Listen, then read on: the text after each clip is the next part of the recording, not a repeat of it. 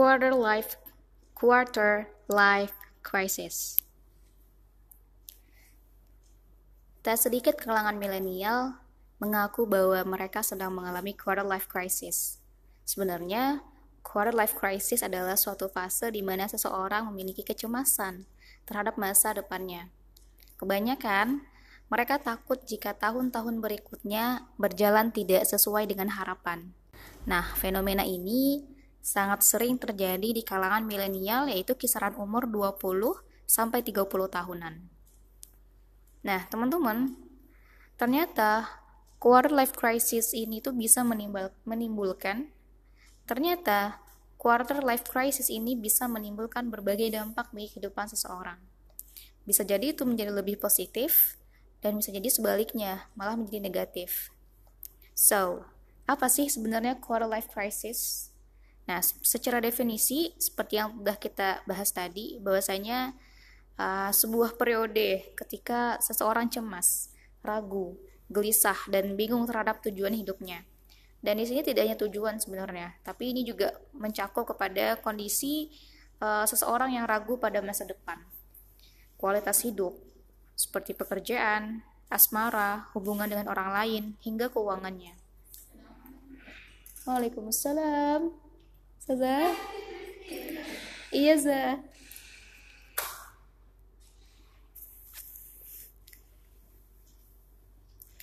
Krisis ini sangat sering terjadi ketika an Krisis ini sangat sering terjadi ketika kamu mulai masuk usia 20 sampai 30 tahun. Nah, walaupun ada juga nih orang-orang yang beberapa uh, masuk krisis ini tuh usia 18 tahun, 19 tahun, lebih uh, awal lebih duluan daripada usia biasanya. Tapi uh, kondisi seperti ini sangat tidak uh, banyak sangat langka karena memang yang namanya quarter life crisis itu adalah usia uh, krisis usia seperempat abad. So memang kebanyakan itu dialami oleh orang yang berumur 20 sampai 30 tahunan. Nah, teman-teman, karena banyak sekali di antara anak muda zaman sekarang yang ketika dia merasakan KLC ya, quarter life crisis, itu malah menjadi bingung dan malah menjadi lebih eh, nggak uh, tahu mau ngapain. Nah, di sini tuh ada nih uh, cara kita untuk mengenali gejala awalnya. So, kalau ketika kita ngerasa atau kita mulai melakukan atau memikirkan gejala-gejala yang akan disebutkan ini, so ini tandanya kita bakal akan memulai yang namanya quarter life crisis. Nah, apa aja gejala-gejalanya? Yang pertama, mulai mempertanyakan hidup. Nah, pertanyaan yang sering muncul terkait kehidupan kita adalah salah satu gejala awal yang biasanya sering disepelekan. Karena memang e, mempertanyakan hidup itu seperti hal yang wajar, hal yang normal. Tapi kalau kita dalam suatu fase, satu fase, satu masa sangat sering e, melakukan apa ya, seperti mempertanyakan hidup kita, sering memikirkan tentang hidup kita, bagaimana ya ke depannya, bagaimana ya sekarang, apa ya uh, yang harus dilakukan berikutnya. Nah, hal-hal yang seperti ini kalau terlalu sering difikirkan atau terlalu sering terucapkan, maka ini juga merupakan uh, gejala uh, quarter life crisis. Yang kedua, merasa hanya jalan di tempat stagnan. Nah, selalu merasa terjebak dalam situasi apa pun. Atau kita ngerasa hidup kita tidak berjalan sesuai dengan harapan yang udah kita uh, harap-harapkan gitu loh. Atau uh, seperti ini deh seperti kita ketika kita punya wishlist ya kita punya wishlist dan ternyata hidup yang kita jalani tidak sesuai dengan wishlist itu. Nah kemudian merasa kecewa merasa tidak sesuai dengan harapan. Nah ini juga merupakan tanda dari kita akan mengalami quarter life crisis. Yang ketiga kurang motivasi. Nah, ketika kita merasa tidak bersemangat dalam melakukan aktivitas apa pun, bahkan uh, suatu aktivitas yang sebenarnya itu adalah hal yang menyenangkan bagi kita, tapi kita menjadi tidak semangat di situ. Nah, ini merupakan eh, tanda-tanda uh, kita mengalami quarter life crisis dan uh, solusinya adalah di sini kita harus menemukan hobi baru atau kita harus menemukan kesenangan baru untuk dijalani. Yang keempat, bingung. Bingung memilih keluar dari zona nyaman atau tidak. Yang keempat, bingung memilih keluar dari zona nyaman atau enggak. Nah, ketika kita bosan dengan pekerjaan kita yang itu-itu saja, rutinitas kita yang itu-itu saja, misalnya kalau orang kantoran berangkat pagi pulangnya sore, nyampe di kantor ngerjain berbagai dokumen uh, pekerjaan atau menemui klien atau bagi, kalau sebagai seorang guru ya uh, pagi berangkat kerja nyampe di sekolah itu langsung ngajar dan lainnya kita bosan dengan rutinitas kita sehari-hari tapi kita takut keluar dari zona nyaman kita. Nah, ini merupakan salah satu contoh terbanyak yang sering terjadi pada usia 20 sampai 30-an dan ini dinamakan quarter life crisis. Nah, di sini tuh kita ngerasain bahwasanya pekerjaan yang kita lakukan itu sebenarnya uh, nyaman.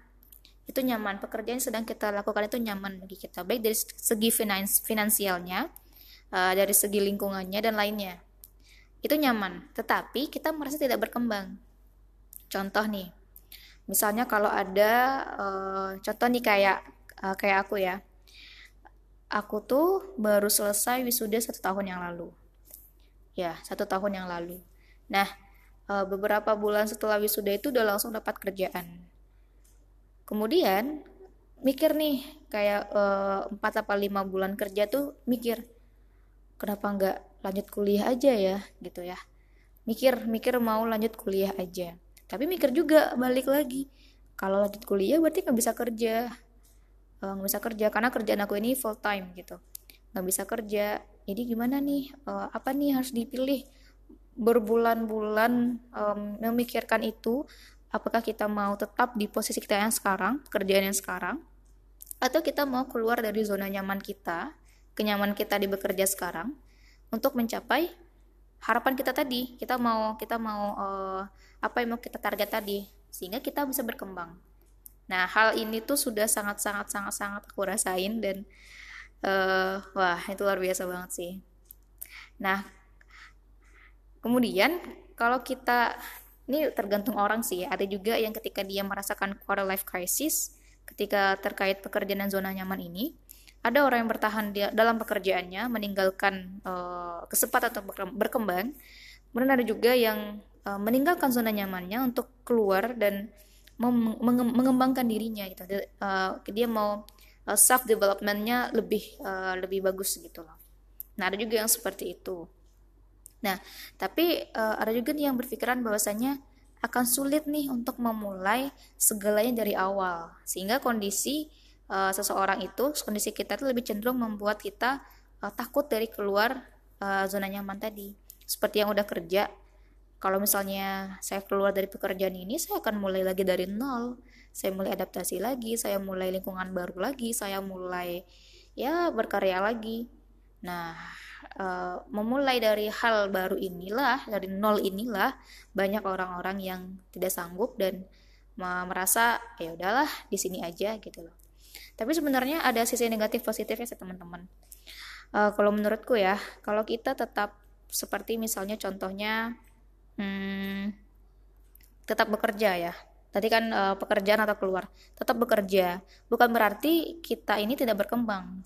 Ya, walaupun kita berada di zona nyaman kita, kita nyaman dengan uh, lingkungan kita, nyaman dengan finansial kita, penghasilan kita, bukan berarti kita tidak berkembang karena yang namanya pekerjaan itu pasti menuntut kita menuntut sebuah perkembangan gitu loh dan kalau ada yang milih tadi kayak keluar dari zona nyaman keluar dari pekerjaan untuk berkembang misalnya dia melakukan hal yang lebih leluasa di luar sana ya itu bukan berarti keluar dari zona nyaman juga sih. Karena ya pasti dia akan menemukan zona nyaman yang baru bagi dia gitu loh.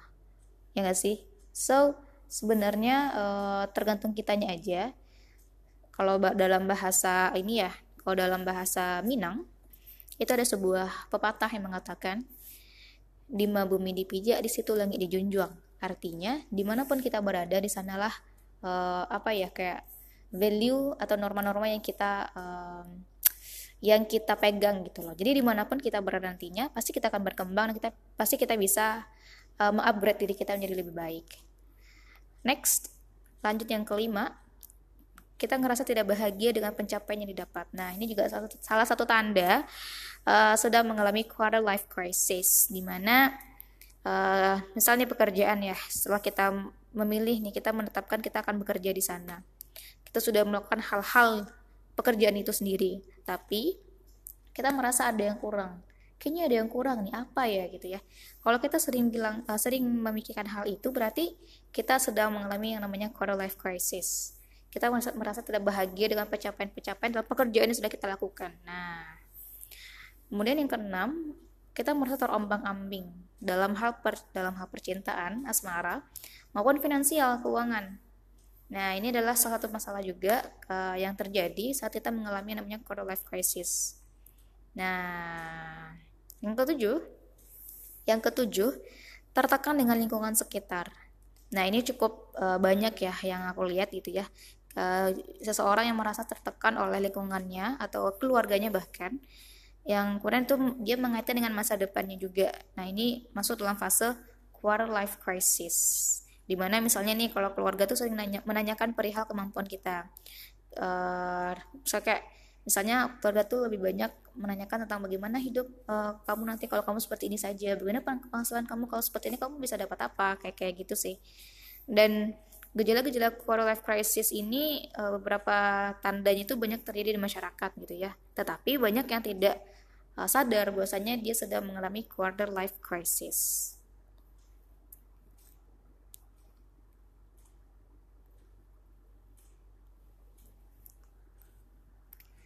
So, teman-teman.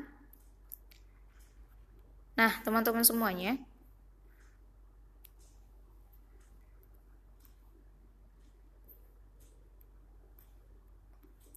Nah, teman-teman semuanya, kalau kamu sedang uh, merasa mengalami quarter life crisis, sekarang ini sedang bingung-bingungnya, sedang pusing-pusingnya, maka kamu harus punya uh, cara solutif untuk menangani QLC ini gitu loh. Dan dan jangan sampai salah langkah salah salah salah salah apa ya salah solusi gitu loh.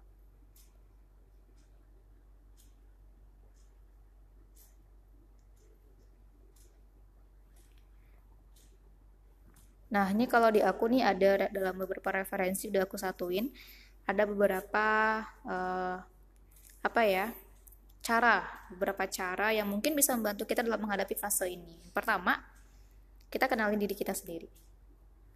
Ya, kenal dengan diri kita sendiri. Ketika kita sudah mengetahui, kita sudah kenal dengan diri kita sendiri, apa pun yang kita lakukan ke depannya, kelebihankah, kekurangankah, itu kita akan bisa menerimanya dengan baik. Ya, dan itu bisa kita jadikan sebagai uh, bahan evaluasi kita. Kita bisa menjadikan itu sebagai bahan motivasi kita dalam menjalani hidup kita. Nah, agar kita merasakan apa nih tujuan hidup saya uh, apa nih tujuan hidup kita gitu loh. Karena kita sudah kenal dengan diri kita sendiri dan kita tahu tujuannya maka kita bisa melihat apa nih jalan mana nih bakal di bakal dilewatin gitu loh. Kalau ada hambatan apa ya yang harus dilakukan buat biar hambatan itu menyingkir gitu. So kenal diri kita sendiri. Yang kedua jangan memendam diri sendiri. Jika kamu memiliki keraguan dan masalah cobalah untuk membagikannya atau kamu bercerita sama orang yang kamu percaya Nah, karena ketika kita bercerita dan ada yang mendengarkan itu sebenarnya jalan keluar yang terbaik gitu loh. Kadang gini ya, kita cerita itu bukan sebenarnya bukan bukan apa meminta solusi, jawaban bukan. Tapi sebenarnya kita tuh ingin didengarkan saja. Kita ingin ada tempat kita untuk mencurahkan emosi kita saat itu. Maka jangan memendam sendiri gitu. Yang ketiga, stop untuk membandingkan diri kita dengan orang lain. Nah, Sebenarnya salah satu yang terbesar ya yang mencirikan quarter life crisis itu adalah senang membandingkan diri dengan orang lain. Nah, ini kalau kita bicara tentang banding-banding ini tidak akan pernah ada habisnya. Maka teman-teman fokus aja terhadap diri kita sendiri untuk berkembang dan kita berusaha untuk mengurangi uh, kejelekan-kejelekan yang ada dalam diri kita sendiri. Yang keempat, membuat rencana hidup ada orang yang punya uh, wishlist uh, atau konsep hidupnya itu uh, satu tahun ke depan mau ngapain atau lima tahun ke depan akan mendapatkan apa 10 tahun ke depan uh, 20 tahun ke depan seperti itu. Nah untuk kita yang di awal ini cukup lima tahun ke depan. Nah kita coba kita coba konsep uh, apa uh, rencana hidup kita lima tahun ke depan tuh kita ingin berada di mana dan kita sudah mencapai apa saja. Nah, inilah rencana-rencana yang perlu kita buat. Bukan berarti kita muluk-muluk ya enggak, ini impian. Impian di mana kita merasa uh, kayaknya ini bisa deh kayaknya ini bisa deh nah kayak gitu dan kalau ada hal-hal kayak gini list-list uh, rencana ini kita bakal jadi lebih semangat teman-teman dalam mencapainya ada apa ya ada motivasinya gitu loh oke nah teman-teman yang kelima mencari hobi baru nah karena biasanya orang yang sedang mengalami quarter life crisis itu sangat-sangat uh, bosan dengan diri dia. Apa pun pokoknya sangat bosan dengan aktivitas dia rutinitas dia. Maka sangat-sangat uh, membutuhkan hobi yang baru agar terus merasa produktif dan gak ngerasa gini-gini aja. Maka cobalah cari uh, hobi yang baru lihat apa yang menyenangkan dan dan hal yang juga tidak apa ya tidak melang tidak me, menyalahi prinsip hidup lah prinsip seseorang juga dan yang terakhir itu adalah beraksi orang yang sedang mengalami quarter life crisis, kalau dia semakin diam, maka dia semakin akan krisis gitu. Tapi seorang yang sedang mengalami quarter life crisis, semakin dia gerak, semakin dia produktif, maka dia akan semakin bagus. Maka kita harus benar-benar produktif, kita coba menjemput impian-impian kita, kita cicil dulu ya. Karena kalau kita menunggu impian kita itu langsung banyak jelup uh, datang uh, berbondong-bondong enggak gitu ya. Nah karena dengan cara dengan cara kita bergerak kita kita juga juga apa ya kita juga lebih uh, jadi lebih kenal dengan diri kita sendiri juga. So silakan uh, action gitu ya. Uh, banyakin actionnya dari mulai dari sekarang. So teman-teman semua usia sekarang usia yang sangat muda uh, rentan ya mengalami quarter life crisis. Tapi uh, believe in yourself kamu bisa jalanin ini KLC ini. Jangan diam tetap bergerak tetap produktif. Karena kalau kamu mau maju ya kamu yang menciptakan langkah-langkah maju itu sehingga kamu mencapai ke sebuah pintu depan sebuah pintu banyak pintu dan kamu hanya tinggal mengetuk nih pintu mana yang mau kamu buka. Karena banyaknya langkah sudah kamu ciptakan dari dulu-dulu-dulunya. Have a nice day. Terima kasih sudah mendengarkan. Have a nice day.